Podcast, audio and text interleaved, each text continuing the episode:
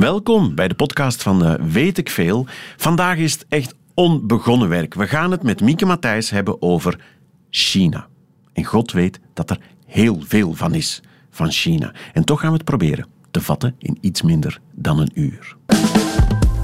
Radio 1. Weet ik veel met Sven Spijbroek. Goedemiddag. Het concept van het programma is eigenlijk doodsimpel. We proberen in één uur alles uit te zoeken over één onderwerp. Vandaag is het onbegonnen werk. China God betert. Daar valt zoveel over te zeggen. We gaan het toch proberen met uh, sinologe Mieke Matthijssen zo meteen. The world today seems absolutely crackers. With nuclear bombs to blow us all sky high. There's fools and idiots sitting on the trigger. It's depressing and it's senseless, and that's why I like Chinese. I like Chinese. They only come up to your knees, yet they're always friendly and they're ready to please. I like Chinese. I like Chinese. There's 900 million of them in the world today. You'd better learn to like them, that's what I say. I like Chinese. I like Chinese. They come from a long way overseas, but they're cute and they're cuddly and they're ready to please. I like Chinese food. The waiters never are rude. Think of the many things they've done to impress. There's Maoism, Taoism, I Ching, and chess. So I. I like Chinese. I like the Chinese little trees. They're Zen, pong, they're yin and yang leaves. I like Chinese thought, the wisdom that Confucius taught. If Darwin is anything to shout about, the Chinese will survive us all without any doubt. So I like Chinese. I like Chinese. They only come up to your knee. Yet they're wise and they're witty and they're ready to please all together. Wow, I jumba run. Wow, I jumba run. Wow, I jumba run. Nihama, nihama, nihama zaijian. I like Chinese. I like Chinese. Kijk, dat is dus het voordeel van een sinoloog in de studio. Als, als Monty Python zingt van I like Chinese en dan gaan ze in het Chinees over. Ik versta er niks van, maar u wel. Well, ai Jongworen, inderdaad. Ja, Dat betekent I like Chinese. Inderdaad, hij heeft niet gelogen. Hij heeft niet gelogen. Ja. Fantastisch. Dag Mieke Matthijssen. Goedemiddag, Sinologe van eh, de Universiteit in Gent. Dat klopt. Eh, dus dat wil zeggen, u spreekt, u begrijpt, verstaat Chinees. Dat klopt. En u bestudeert ook China. Dat klopt, ja. Het is een gigantisch land. Hè? Ja. Eh, welk onderdeel, welk, welk plekje, welk, wat zoekt u precies uit? Ehm, wel, ik ben vooral geïnteresseerd. Mijn interesse in China is begonnen vanuit de Chinese filosofie eigenlijk. Ik had een boek gekregen van mijn vader rond vergelijkende religies. Van een, eh, een eh, reeds overleden professor, Ulrich Liebrecht. En hij had zo'n model eh, daarin uitgelegd waarin je religies en filosofieën eigenlijk, wereldbeelden kon vergelijken. En dat heeft mij enorm getriggerd. En eigenlijk sinds mijn jeugd ben, ben ik geïnteresseerd in China. Dus vooral de filosofie, maar ook de kosmologie. Ehm, en dat is uitgegroeid naar hedendaags China. Dus ik ben eigenlijk heel veel bezig met hoe de Chinese filosofieën wordt geleefd en beleefd en herinterpreteerd in hedendaags China. Oké, super. Moeten we het straks zeker over hebben, want het klinkt geweldig interessant. Maar ik heb eerst nog een vraag. Eh, ik weet niet of u op de weg hier naartoe daarnet geluisterd heeft naar Evert Venema. Ik heb hem verteld dat het over China zou gaan. Hij is plots met allerlei verhalen afgekomen over China. Hij vertelde onder meer, en hij zei, je moet het aan de professor vragen om het te checken, eh, dat de Chinezen, had ooit in een boek gelezen, dat de Chinezen ooit de hele wereld eigenlijk ehm, niet veroverd, maar wel bezocht hebben. Dat ze overal al waren geweest, in Afrika en in Amerika en zo. En dan gewoon terug naar huis zijn geweest. Zonder sporen achter te laten, waardoor wij denken dat Columbus Amerika ontdekt heeft en zo. Zou dat kunnen kloppen? Dat lijkt mij in zekere zin wel te kloppen, maar ik vermoed, Chinese kennende, dat er toch wel een zeker pragmatisme achter zat. Misschien hebben ze gedacht, er is niet veel wat wij iets mee kunnen doen of zo. Dus er, er, moet een pragmatische reden geweest zijn om terug te keren. Ah ja, de Chinese kennende zou u denken, die zijn gearriveerd in, in Amerika en gedacht, wel nee, hier hebben we niks te zoeken. Ja, of ze zijn misschien op onderzoek uitgegaan en, en geconstateerd dat wat ze zochten of wat ze nodig hebben meer, dat dat misschien niet aanwezig was. Oké, dus dat is een eerste kenmerk van Chinezen. Ze Denk zijn ik. Ja. pragmatisch. Ja, Zeer voilà, nu- pragmatisch, ja. Het is niet zeggen- mijn vakgebied, Ah, maar voilà, eh, inderdaad. ja. Zeg maar dan, ja, dat, dat was nog iets met otters. Die Chinezen zouden hele grote schepen gehad hebben en dan otters bij gehad die ze dan deze valluik open en dan lieten ze die otter los. Dan zwom die rond en dan kwam die met vis terug voor de Chinees. Ja. Wel, Klopt dat of niet? Dat van die grote schepen zeker. Dat van die otters weet ik eigenlijk niet zeker. Maar ook daar weer lijkt het mij eigenlijk zeer... ehm, ja, ze zijn gewoon heel pragmatisch. Dus dit is ook een staaltje van zeer pragmatisch denken. Hè? Ja, maar u- En- op al uw reizen bent u nog geen Nee, nee. boemerang-otter tegengekomen? Nee, dat die... klopt. Maar je hebt wel bijvoorbeeld in Zuid-China, rond eh Guilin, heb je van die aalscholvers, hè, waar dat ze eh, vissen eigenlijk met vogels. Die, en die hebben dan zo een ring rond hun nek en die zitten op bootjes en ze laten die vissen vangen. En dan halen ze die, allez, die blijven op die boot en dan halen ze de vis eruit en dan moeten die terug een vis Ze gaan halen vangen. de vis eruit. Uit de mond, uit de bek. Ja, Oké, ja, ja, ja. oké. Niet- Hè, want die, kan eigenlijk niet doorslikken. Er zit zo, ja, een soort van, lik bij duiven rond hun, rond hun poten, zit daar zo'n ring rond die nek. Ah ja, want anders zou die dat wel kunnen, maar Ah ja, anders slikt hij het door, hè. ook we dat dier. Maar zo, zoals wij met valken doen, Bijvoorbeeld, ja. doen de Chinezen dat met aalscholvers. Met als in Zuid-China is er een regio en dat doen ze nog altijd, ja. Ja, Een beetje toeristisch geworden, maar toch. Ah, ja, ja, ja, ik wil het wel zien als ik Ja. naar China ga. Ja. Ehm, het- de- nu, pragmatisch zijn we wel, hè? de Chinese volksaard. Dat is altijd zo'n afschuwelijk moeilijke vraag. Maar in de loop van het uur zou ik daar precies toch wel zicht willen op krijgen.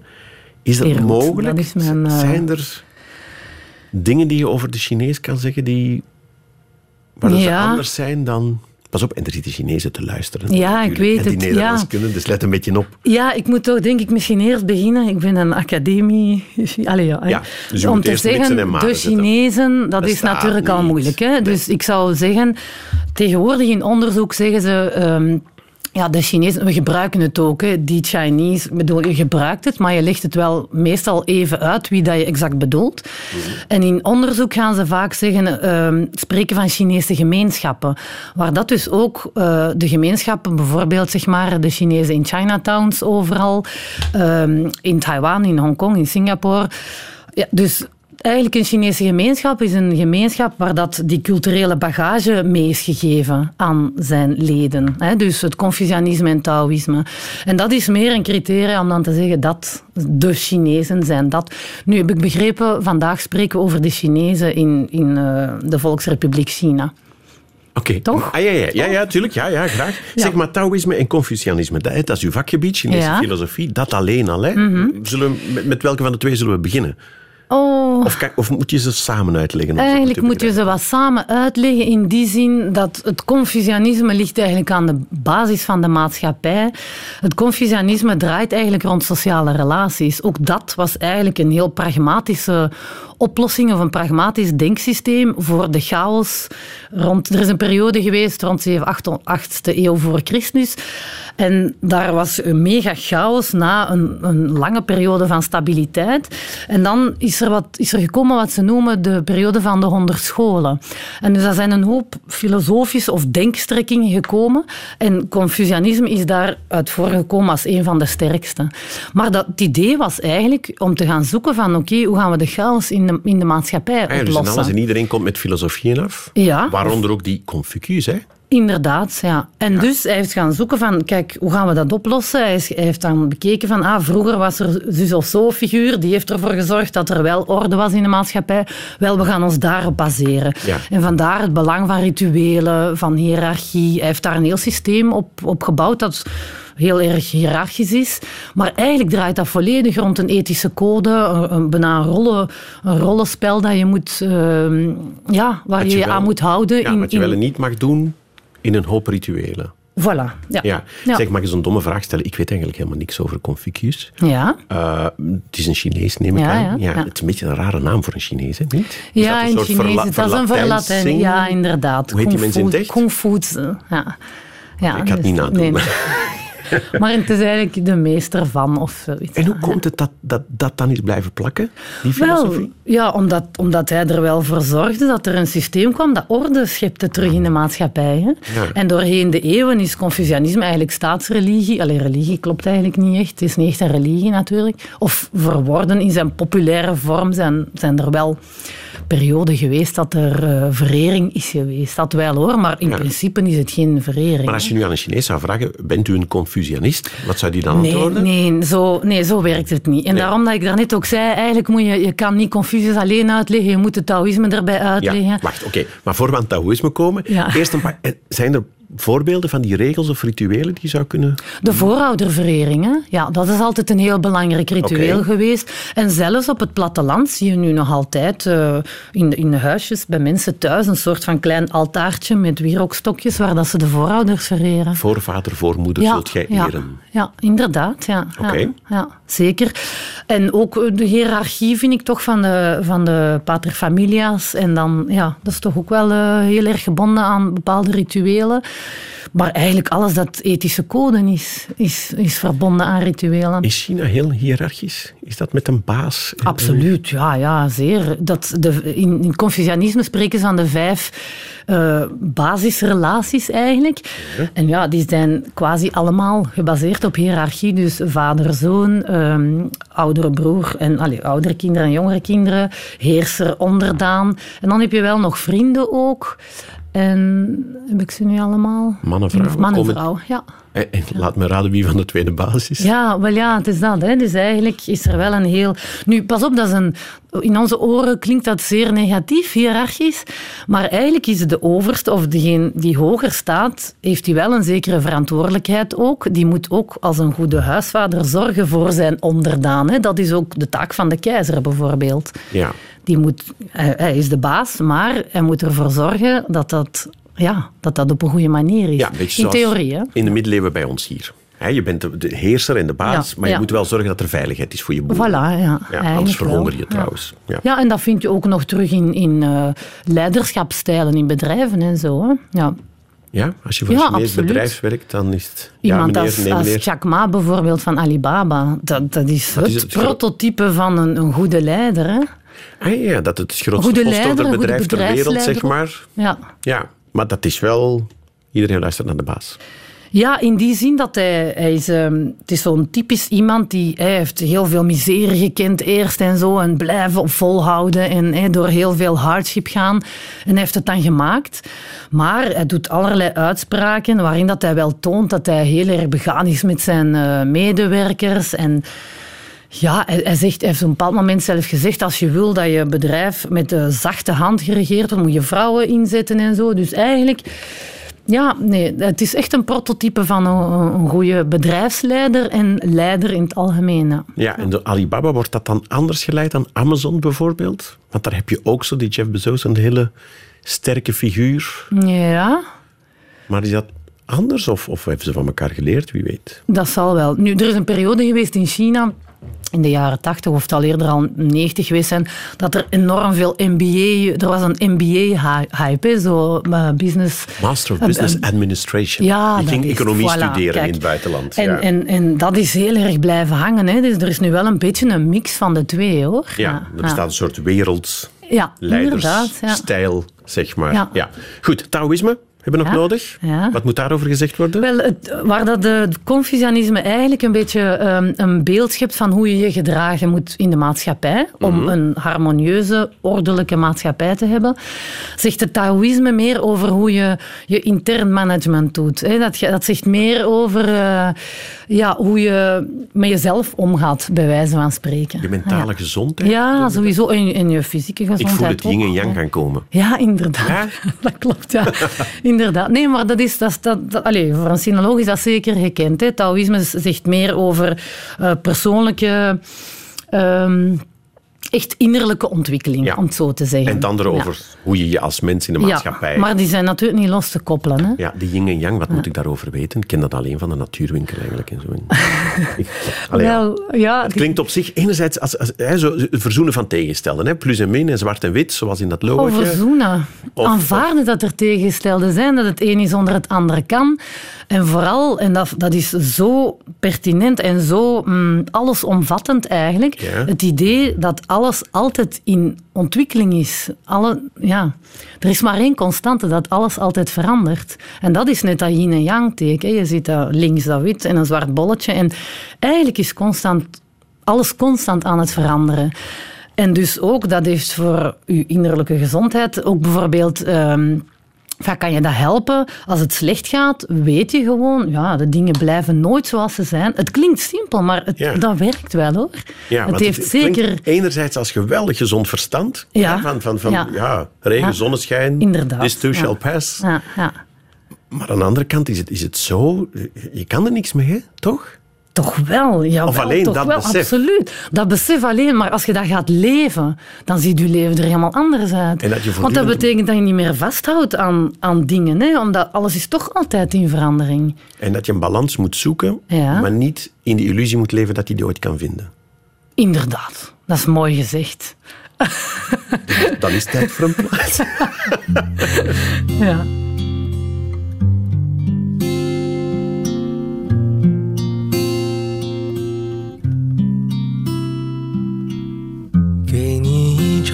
去的 CD，听听那是我们的爱情。有时会突然忘了，我还在爱着你。再唱不出那样的歌曲，听到都会红着脸躲避。虽然会经常忘了，我依然爱着你。因为爱情不会轻易悲伤。所以一切都是幸福的模样。因为爱情简单的生长，依然随时可以为你疯狂。因为爱情怎么会有沧桑？所以我们还是年轻的模样。因为爱情在那个地方，依然还有人在那里游荡，人来人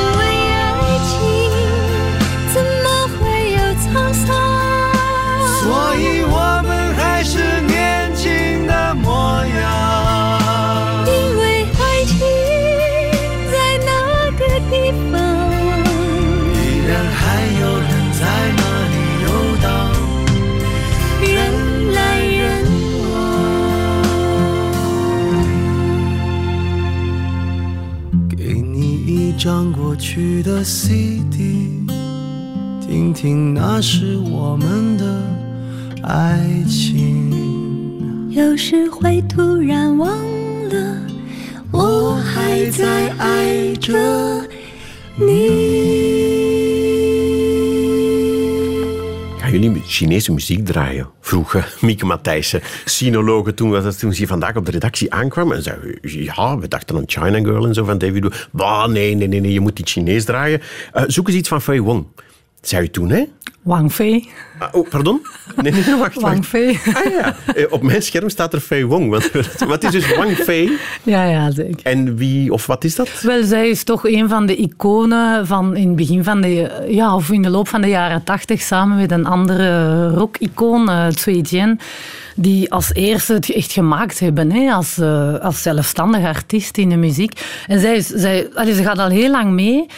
Ik denk dat ze recent terug een plaat uit heeft. Is even stiller geweest. Maar bedoel, allee, iedereen kent haar. Ik ga niet zeggen dat de jonge Chinezen, hè, zo de jongeren, de adolescenten haar nog goed vinden. Maar het is echt een icoon. En ze is ook bekend omdat ze acteert in onder andere films van Wong Kar-wai, Wang Jiawei. Ja, dus uh, het is echt een straffe madame. Maar de muziek klinkt heel uh, westers. Dit, dit, zou uit een Disney-film kunnen komen, hè, qua melodie. Ik, had, ik had met Chinese muziek veel meer ontoegankelijke Chingle-Changle verwacht, eerlijk gezegd. Ja, nee, nee. Als ik bevooroordeeld mag zijn. Bon, het is een, maar is dit wat een doorsnee Chinees mooi vindt ja, ook? En ja, absoluut. zou ik wel zeggen. Een beetje, allee, om het zo te zeggen, toch... Het klinkt wel negatief, maar was even zoeterig. Hè? Heel veel over de liefde. Het gaat toch over uh, emoties kunnen uitdrukken in de muziek die niet altijd worden uitgesproken, misschien in het dagelijks leven heel erg. Hè? Oké, okay, ja. want waarover heeft ze nu gezongen? Wel, over, in, in duettes met uh, die man, over dat hun liefde altijd gaat blijven duren en dat het eigenlijk een voorbeeld is en het is net alsof we nog jong waren en zelfs als we uh, verder gaan in de tijd, alleen ons hoofd draaien, is, is dat dan in het Chinees, um, dan gaan we elkaar nooit vergeten. Dat soort dingen, hè? Ja, eigenlijk een ballad. Ja, voilà. Of een slager, zou je willen. Een ballad of een, een levenslied. Voilà, over de liefde. Ja. ja. zeg maar, Chinezen en emoties, dat is goed dat u dat aanraakt. Ik, ik krijg dat niet goed gerijmd. Kunnen Chinezen goed over hun gevoelens praten? Nee, dat is nu inderdaad iets dat eigenlijk heel weinig gebeurt. Het gebeurt wel, maar um, dan, moet, dan moet ik een aantal dingen uitleggen. Sowieso eerst het begrip van gezichtsverlies leiden.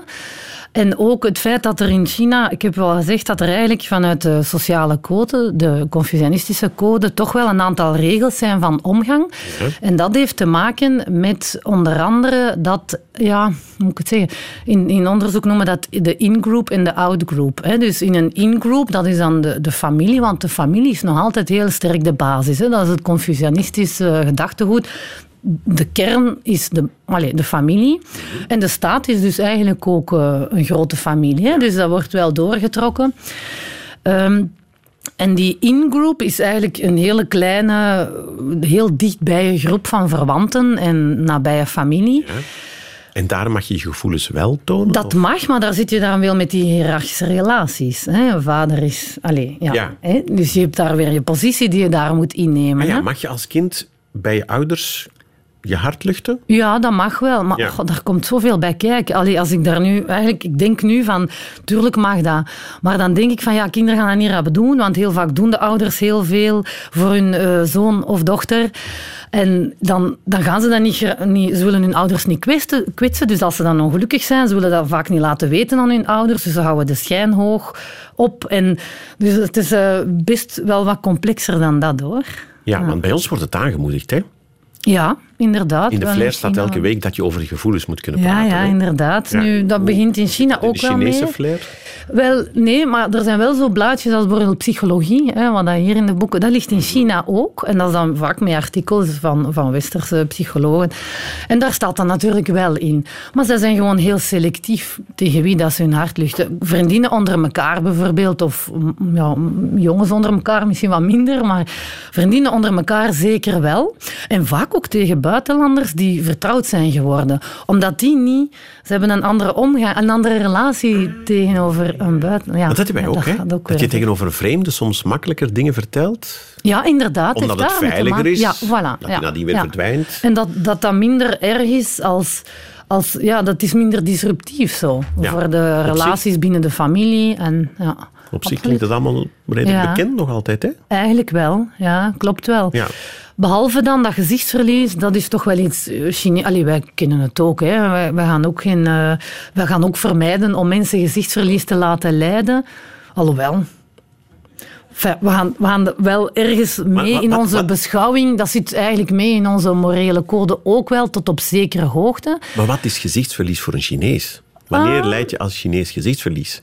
Ehm, als je bijvoorbeeld iets niet kan waarmaken, als je ehm, iets doet dat moreel niet integer is. Bijvoorbeeld, je hebt eigenlijk twee soorten. In het Chinees zijn er ook twee woorden voor gezicht. Hè? Of niet verlies dan, maar gezicht. En het ene is ehm mienze. En dat is eigenlijk meer zo'n sociaal gezicht, je sociale status. Dat gaat over hoe dat je het gemaakt hebt in de maatschappij, je, je netwerk en zo. En dan heb je lien, is meer een soort van... ehm, moreel gezicht. Hè, Dat gaat dan over je morele integriteit. Ben je iemand die er staat en die, die, die ja, moreel Correct eh, handelt. correct handelt en effectief ja, betrouwbaar is. En, ja, dat Ja, is ik heb me wel eens laten vertellen dat Chinezen geen nee kunnen zeggen. Wel, dat heeft ook daarmee te maken. Hè? Want nee zeggen is sowieso gezichtsverlies. ehm, lijden in zekere zin. Hè? En ook vaak bezorgen aan anderen. Want gezichtsverlies is iets heel dynamisch. Hè? Dat is, eh, je kan het geven, je kan het eh, ne- eh, nemen, je kan het ook opbouwen in zekere zin. Allee, gezicht dan, niet gezichtsverlies. Maar het gezicht kan je eigenlijk opbouwen. Dat is je reputatie eigenlijk. Dat is je reputatie, ja. ja. Effectief, ja. En wat als dat... je dus aan een Chinees vraagt, kan je dit of dat doen? Dan gaat hij altijd ja zeggen. Ja, of hij zal iets. ehm, hij gaat het misschien niet zo direct zeggen, want dat is ook een kenmerk van de Chinese taal. Daar komen we misschien nog wel bij.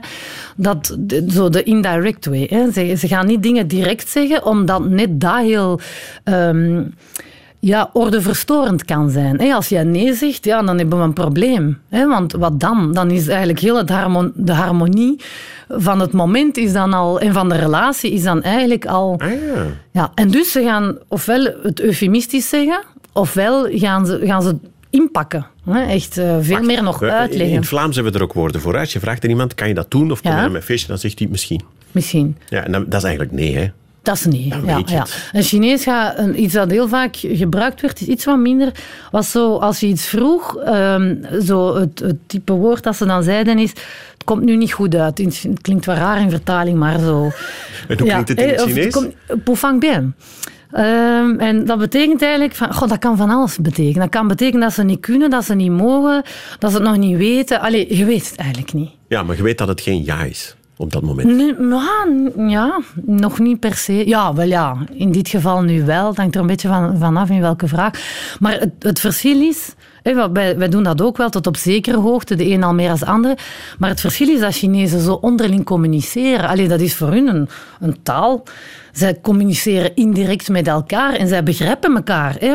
Omdat ze al die codes en dan die Ja, kleine die finesses... niet uitgelegde codes, die niet uitgesproken codes, Ja. kennen zij onderling. Hè. Maar voor buitenlanders lijkt me dat Is dat eh, soms heel moeilijk? Als je ja. dan met Chinezen moet gaan onderhandelen of ja, zaken voilà, doen... onder, in onderhandeling is en dat die zeer zeggen, hoe, moeilijk. hoe ja. klonk het ook alweer? Ja, bien. Ja, Voilà. dat gaan ze nu Dan- niet dan in weet je niet of het contract zeggen. getekend is of niet. Nee, nee. Dat klopt wel.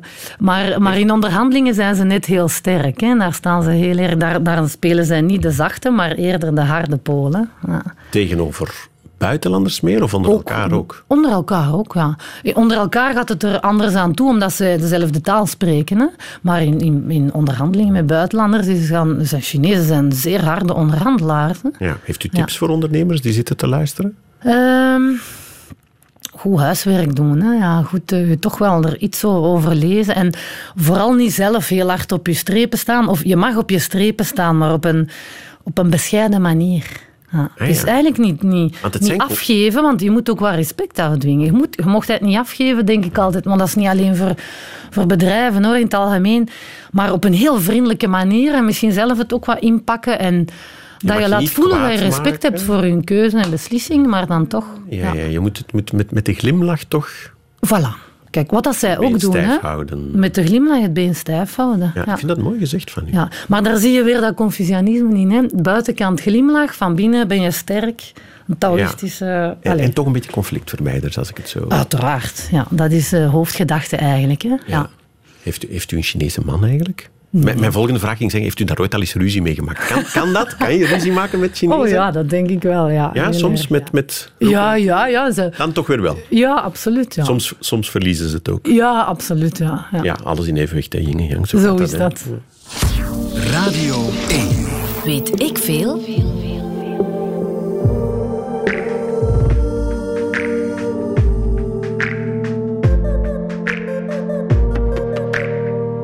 Zit een steentje in mijn schoen, maar ik zit er al gewend aan. Het is daardoor dat ik te en dat ik besta. Ik ben er, want ik zie het in de spiegel van het raam. Ik ben er, want ik spreek de zesde taal. Au revoir.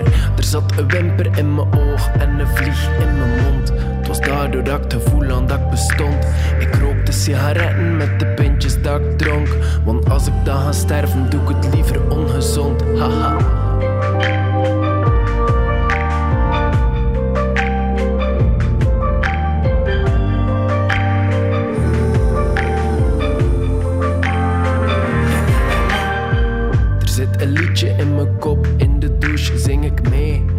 Daardoor dat ik te voel en dat ik leef. Ik woon al heel mijn leven in het droomkasteel. Gewoon omdat ik de kamer met je deel. En het zijn er veel. Er zit een mug op de muur en ik kreeg hem niet geklopt. Het is toch weer het typisch, want ik moet morgen vroeg op. Je weet wat dat ze zeggen over toeval en het lot. Ik ben het bijna zeker, ja, die mug is hot.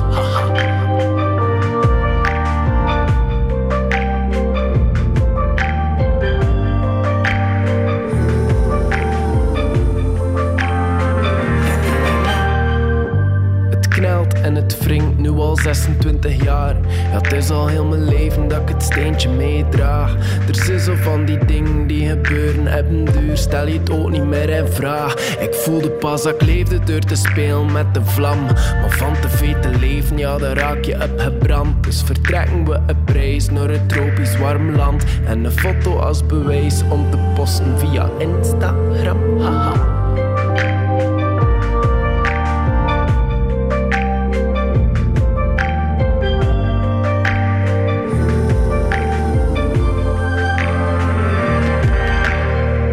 Zit een splinter in mijn duim en kan een blijne op mijn hiel.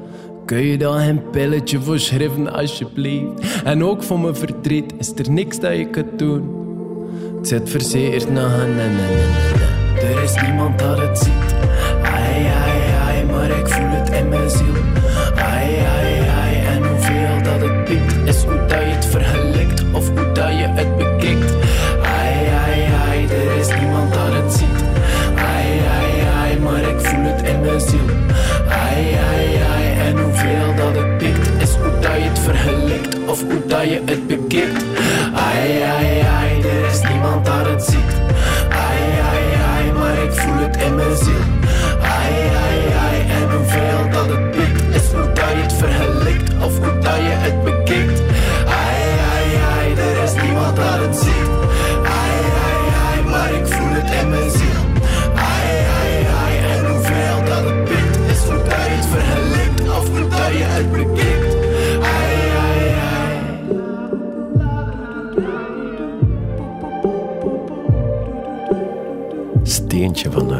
Is dat. Volgens sommige mensen is dat ook Chinees.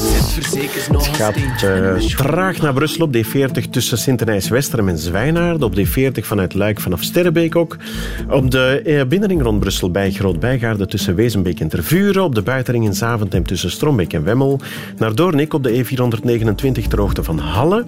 Richting Antwerpen op de E17 van eh, voor Zwijnaarden tot Gent Centrum en verder vanaf Zwijndrecht. En op de E313 vanaf Massenhoven. Op de Antwerpse ring richting Gent tussen Antwerpen-Noord en de Kennedy-tunnel. Daar komt er een kwartier bij. En hou rekening met bijna een uur vertraging op de E19 van Brussel naar Bergen tussen Houdet en Aubourg. Daar zijn eh, door een ongeval de rechter- en de middenrijstrook versperd. Radio 1. Weet ik veel? Mieke Matthijssen, sinologe. We hadden het over China en over gezichtsverlies. En tijdens de plaat van Brigant wou je daar nog iets aan toevoegen. Dat klopt, ja. Omdat je zei, ja, ik zeg zelf ook, we hebben dat ook wel. Dat is iets dat in, in de westerse wereld ook leeft. Hè. Ja. Maar wat er toch wel heel bijzonder is aan China, is ook dat gezichtsverlies niet alleen persoonlijk of individueel is, maar dat, dat, je hebt ook, eh, hoe zeg je dat, familiaal gezichtsverlies, of een familiaal gezicht eigenlijk. Hè. Want we spreken over gezichtsverlies, maar ik zei het al, gezicht, gezicht of status kan je ook geven en afnemen en opbouwen. En dus dat bestaat ook op het niveau van de familie en zelfs op het niveau van het land. Hè. Dus het collectieve nationalistisch gezicht. Ah, ja. Als China slecht doet in de onderhandelingen, leid, leid, leiden zij nationaal gezichtsverlies. Oké, en als ik als, als kind bijvoorbeeld een slecht rapport heb, dan, dan stra- Straalt dat over op de hele familie. Dat Wat gaan de mensen wel niet zeggen? Ja, inderdaad. Ja. Dus dat leeft bij ons ook wel een beetje. Maar het gaat wel ver in die zin dat het toch wel echt het dagelijks leven bepaalt. Hoor. Ook al, maar je ziet dat niet. Hè. Dat moet je een beetje weten. Hè. Ja. Ja, ja, dat is waar. Ja. Eh, eh, nu we het toch over kinderen hebben, die één-kindpolitiek, Ja. die is afgeschaft een tijdje Die is hè? afgeschaft, ja, in 2016, denk ik. En dat is een beetje een probleem in die zin. Ze zitten natuurlijk met een heel groot vergrijzingsprobleem. Hè, en dat heeft zijn weerslag op de arbeidsmarkt. Hè, want er, ja, en ook op het sociaal zekerheidssysteem. Ah, was dat het probleem? Eén kind moet dan twee grijze ouders onderhouden. En Ten dat is eerste, en, de, de werkende populatie wordt zeer klein, relatief natuurlijk. Hè. Maar inderdaad, ook dat is een van de grootste problemen, dat dat één kind niet, niet altijd... Goh, in het beste geval eigenlijk maar twee ouders moet onderhouden, maar in het slechtste geval, wacht, zes, hè, even tellen. Is hij, als, hij, als dan jonge Ja, de grootouders, dat zou kunnen en, ook nog in voilà, leven En zijn. dan nog de ouders van de, van de echtgenote of echtgenoot. Ik bedoel, een gezin moet vaak heel veel mensen onderhouden op die manier. Hè. Ja, en dus hebben ze dat afgeschaft. Ja, dat klopt. Riskeren we nu een bevolkingsexplosie? Nee, van nee, nee, nee, absoluut niet. Het is nu nog nieuw, hè. Maar vorig jaar zijn de, waren de geboortecijfers eh, zeer laag zelfs. Dus het is zeker nog niet eh, doorgedrongen. En zelfs al dringt het door, want Chinezen weten het natuurlijk wel, maar ze, de meeste jonge gezinnen die willen geen twee kinderen. Ze willen het wel emotioneel, gevoelsmatig wel. Ja. Hè, graag zelfs. Maar zij, kunnen, zij trekken dat niet, ze kunnen dat financieel niet aan. Vaak ook naar tijd. Zij weten eigenlijk al op voorhand dat ze hun tweede kind niet dezelfde opvoeding of dezelfde kansen kunnen geven als hun eerste kind, omdat dat financieel niet haalbaar is. Plus, ja, dan zit je ook weer met twee kinderen die dan half door grootouders moeten opgevoed worden, die ook niet meer jonger worden, enzovoort. enzovoort. Nee, het, is, het slaagt voorlopig niet in, zeker niet in de steden. Ja, het beeld dat wij van China hebben is dat ze één kind hebben en, en daar ongelooflijk op inzetten. Dat het heel erg competitief is. Dat kind moet geweldig goed presteren. Ja, en dan toch verwend. Hè? En dan In toch zin- verwe- onuitstaanbaar eigenlijk. Ja, in zekere zin. En, en dat klopt ook. Verwend in die zin dat, dat alles... Allee, alles wordt, alle kansen worden ingeboden. Hè. De grootouders verdienen veel, maar ook de ouders doen alles voor hun kinderen. Hè. Die werken zich te pletter. De laatste cent wordt gespaard om al een huis te kopen voordat ze gaan trouwen, om in het buitenland te laten studeren, om naar de beste universiteit te gaan. De competitie op de arbeidsmarkt is enorm. Het is, dat is echt, dat kunnen wij ons niet voorstellen. Ja, en dat kind moet dus ook, ook geweldig goed presteren. Ah, ja, Van ja. Op school al. Ja, dus er is een zeer grote druk. En vooral, we hebben nu net de periode van de, in Chinees de Gaokao achter de rug. Zo rond 7 juni zijn er twee, in sommige delen drie dagen, dat er een soort van staatsexamen is. Zo'n beetje zoals eh, de baccalaureat in Frankrijk. En dat is het examen dat uw, uw ticketje naar de universiteit is. En als je niet slaagt, ja, dan, dan, dan, dan is dat echt, dat is echt mega gezichtsverlies. Allee, ja, Ja, het is De- erop of eronder voor die kinderen. Inderdaad, ja. Dat hypothekeert echt uw toekomst. Hè? Oh man, het lijkt en dus niet. ook de toekomst van de ouders, eigenlijk hun sociale verzekering in, zeker, in zekere zin. Ah. Want als de kinderen niet in de beste universiteiten zijn, gaan ze wellicht ook minder jobs hebben, minder verdienen enzovoort. En dus dat is, dat is enorm veel druk.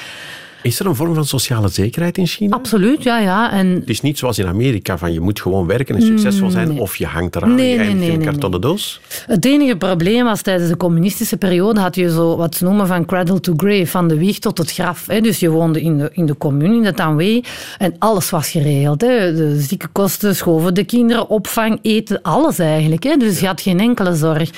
En sinds de, allez, sinds de Deng Xiaoping eigenlijk zijn ze heel dat systeem aan het eh, beginnen hervormen naar een een soort van wel, het blijft wel een, een socialistisch land, hè, dus de staat zorgt wel voor de sociale zekerheid, maar die is behoorlijk basis.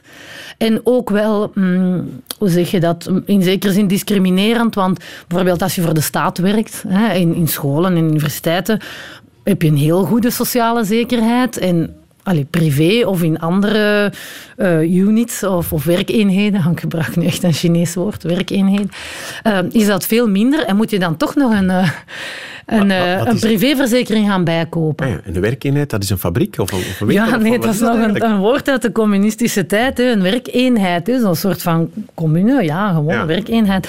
Maar het wordt nog altijd gebruikt in dagdagelijkse taal, gewoon om je plaats van, van werken. Allee, waar werkte jij? Ah, wel, in welke werkeenheid werk je? Terwijl gezellig. dat, dat woord eh, niet meer, eh, het is niet meer van deze tijd. Ja. Radio 1. Weet ik veel.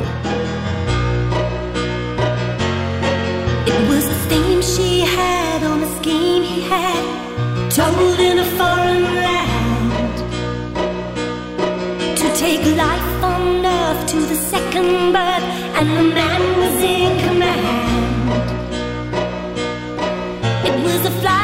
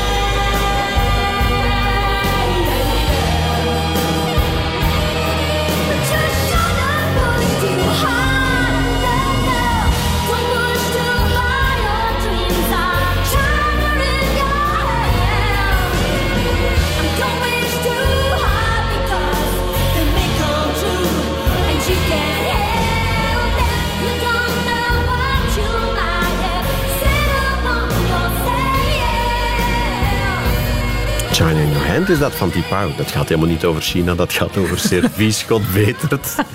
Ondertussen, eh, de mensen die via de app zitten te kijken of op de website, die zien dat ik ondertussen de hele tijd met Mieke Matthijs aan het babbelen ben, want er is zoveel te zeggen over China.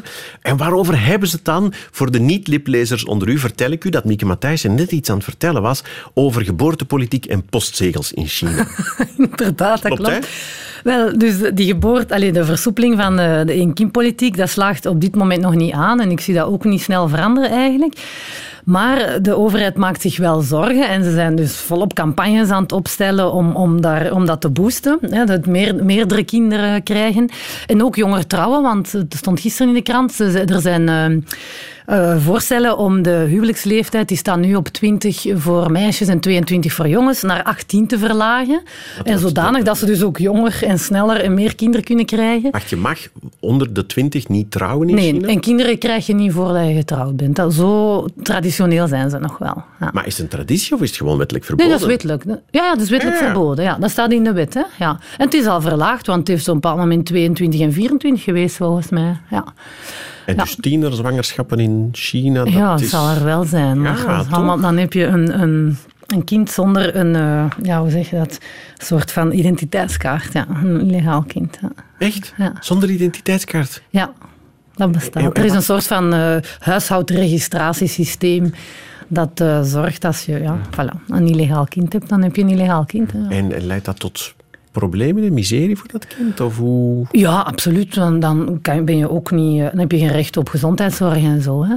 Nu, dat is op dit moment volgens mij niet meer het grootste probleem in China. Nee. Ah nee, wat is dan wel het grootste probleem? Wel, sowieso de vergrijzing. En, en dus ik was aan het vertellen van die campagnes ook. Er is ja, dus bijvoorbeeld de Chinese jaar... overheid wil dat er voortgeplant Ja, ja, en ze, inderdaad. En ze, zijn- ze zijn daar zeer creatief in en ook wel heel pragmatisch, zoals ik al zei. Want het is dit jaar het eh, jaar van eh, eh, het varken. En ze hebben bijvoorbeeld postzegels gemaakt waar dat je een mama en een papa varken op ziet en drie biggetjes.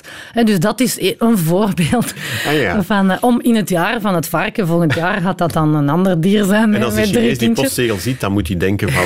Voilà, ja. Maar ja. onbewust werkt dat toch allemaal door. Ja, want het is wel heel vreemd. Hè? Als je decennia lang bent ingeprent, één kind en Mhm, niet Inderdaad, meer... hè. Ja, ja. ja, plus er zijn veel ouders die eigenlijk al wat verder zijn. Hè. Die, zijn die zijn volop carrière aan het opbouwen en moeten, want Chinezen, allee, de gemiddelde middenklasse, die werken zich te pletter. Echt waar, er wordt heel, heel hard gewerkt in China. Ja, want u zei er net, eh, dat tweede kind, ze zouden wel willen, maar ze kunnen niet. Ze Nee. kunnen het zich niet permitteren, Eigenlijk niet, nee. Ja. omdat het zo duur is. Dus je Omdat moet het- echt wel... Wel, op zich, je kunt dat tweede kind nu krijgen en dan ben je, heb je wel sociale zekerheid, maar ze willen het dezelfde kansen geven als dat eerste kind. En dat betekent dus betalen voor een heel goede school en, en bijlessen en zus en zo. Want dus, dat, dat, eh, dus begin juni heb je dus dat staatsexamen. En daar worden jongeren eigenlijk de laatste drie jaar van het middelbaar mega op klaargestoomd. En vooral het laatste jaar, dat zijn werkdagen, studiedagen van 12, 13 uur. Hè. Er zijn zelfs speciaal scholen waar dat de kinderen naar school gaan van 6 tot 11, 12 met bijlessen. En ja, dat is echt... Allee, dat kunnen wij ons niet voorstellen. Wat Allee, dan is hier eigenlijk tegenovergestelde aan de gang, denk ik. Ja, wat is Ja. het? Zegt de professor over haar studenten.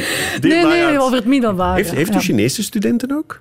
Wel, wij hebben soms, of elk jaar zitten er wel ehm, eh, derde generatie studenten. Hè? Bijvoorbeeld Chinezen die van, waar dat de ouders Chinees restaurant hebben of zo.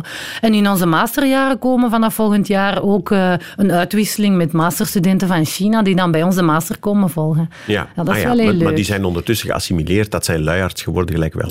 Oh nee, nee, nee, nee, verre Nee. van. Nee, een groot verschil. Ja. Ja. Ehm, ik, ik heb mij ergens ook laten vertellen, want dan begin je van alles te zoeken, hè, wat je over China weet, dat, dat Chinezen eh, nog gsm-verslaafder zijn dan wij dat zijn. Dat klopt, ja. Dat vind ik de Maar laatste keer als ik volgens mij was, kan het niet het nog mij. erger. Oh jawel. Nee, nee, in China allee, loopt iedereen, loopt en zit en staat iedereen met de gsm, met, eh, met de blik gericht op het schermpje. Ja, heel erg. Eh, het is zelfs ooit, eh, ik weet niet of ze dat nu hebben doorgevoerd, maar ik weet dat er in bepaalde steden experimenten zijn uitgevoerd met waar dat je dus op het trottoir of op het wandelpad, dat dat in twee lijnen was verdeeld voor degenen die met een gsm lopen en degenen die niet met de gsm lopen. Want die met de gsm, ja, die lopen in de weg van degenen die gehaast zijn. Dus een soort fietsostrade voor, voor mensen die... Schitterend, hè, ja. En er is ook een, een nieuw woord, hè, dat is een, een neologisme, zeg maar, met wel bestaande karakters. Dat heet de, de zoo, het, het, het ras of het, het volk van, de, van zij die het hoofd buigen. Dit heet houdt Omdat ze de hele Ja, tijd inderdaad. Ja. naar hun Het is telefoon een zitten neologisme, kijken. ja. zeg, nu, nu, nu toch over... U zei er iets, hè, neologisme, hè, nieuwe woorden. Ja, ja, ja. We hebben nog niks over Chinees gezegd. over de taal. ja. Jongen, jongen. En ik heb nog maar 2,5 minuut. Oei. En er is waarschijnlijk verschrikkelijk veel over te zeggen. Wel, ik, ik, in die zin, je zegt, eh, we hebben nog niks over de taal gezegd, maar ik vind van wel. Want ik heb al een aantal woorden gezegd. Ik heb al gezegd hoe dat Chinezen indirect met elkaar boodschappen uit, uit wisselen. En ja, je hebt, de, de technische kant van de taal. Hè. Maar ehm, die taal is, die hangt zo vast samen Ja. met de cultuur. Als je Chinees leert, moet je cultuur erbij leren. Ik moet nog eens iets checken. Eh, een tijdje geleden, een paar weken terug of zo, of vorige week zelfs nog, in Interne Keuken, was er iemand die over alle de twintig belangrijkste talen ter wereld, Chinees staat, ik denk op twee, geloof ik, echt een reuzentaal, door heel veel mensen gesproken. En die zei, wij dachten vroeger altijd, Chinees wordt van rechts naar links gelezen. En zei, nee, nee, dat is veranderd In, tegenwoordig. eh, in de is van links klassieke naar rechts. teksten wel. Nee, nee, nu, eh, in, in, ehm, nee, nee het, het gaat nu van links naar rechts hoor. Gewoon, eigenlijk gewoon zoals wij lezen. Ja, van links naar rechts ja. en van boven naar onder. Klopt, ja. In, eh, maar in bepaalde, bijvoorbeeld in Taiwan en Hongkong en in Singapore, dat weet ik niet juist niet, niet zeker. Bijvoorbeeld mooie boeken die zijn uitgegeven op een heel mooie manier. Die gaan nog van, eh, van eh, links naar rechts. Ja, ik ben niet goed met links en rechts. Van links naar rechts lezen. Ja. Ja, dat is toch wel vreemd. Hè? En dan heb je natuurlijk het feit dat het een toontaal is. Hè? Dat, Ja, wat dat- is het? Ma is het bekendste voorbeeld, zeker moeder. En dan Ja, hoe je het moeder uitspreekt. en heb- ja, hè, dus het woordje ma, de, in de eerste toon betekent dat mama, ma. In de tweede toon is dat genep of afgeleid katoen. In de derde toon paard en in de vierde toon vloeken. En daar worden wel grapjes over gemaakt. Hè. Ik vervloek mijn, mijn moeder en ja, van, van alles. Ja. Is, eh, Omdat ze mijn wiet gevonden heeft. ja, bijvoorbeeld. Ja. Goh, dat is natuurlijk wel zo. Eh, u heeft een, eh, een, eh, een lezing gedaan hè, voor de Universiteit van Vlaanderen. klopt. Filmpjes, die heb op onze website gezet, waarin u die Chinese taal ook helemaal uitlegt. Mhm. Ja, zeer beknopt. mensen ja. daar terecht. Goh, we hebben nog een halve minuut. Als, als je van alle clichés en alle vooroordelen die nog ontkracht moeten worden over Chinezen, wat moet er absoluut nog gezegd worden?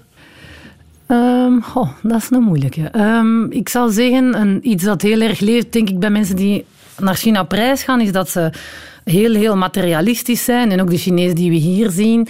En, en hè, ze willen dure merken kopen en zo. En allee, het lijkt alsof dat ze alleen maar aan het verdienen zijn om een huis en, en, en merkdingen en, en veel geld verdienen. Wel, ik denk dat dat overleven is. Het is natuurlijk een achtergrond van armoede, Ja. maar het is tot op zeer grote hoogte sociale zekerheid het is omdat het moet, zeg maar. En gezicht natuurlijk, hè. Want- Ah, daar is die gezichtsverlies Daar weer, heb je ja. dan natuurlijk- Ja, we hebben een uur lang over Chinezen zitten roddelen, maar die gaan niet boze mail sturen, want dat doen ze niet.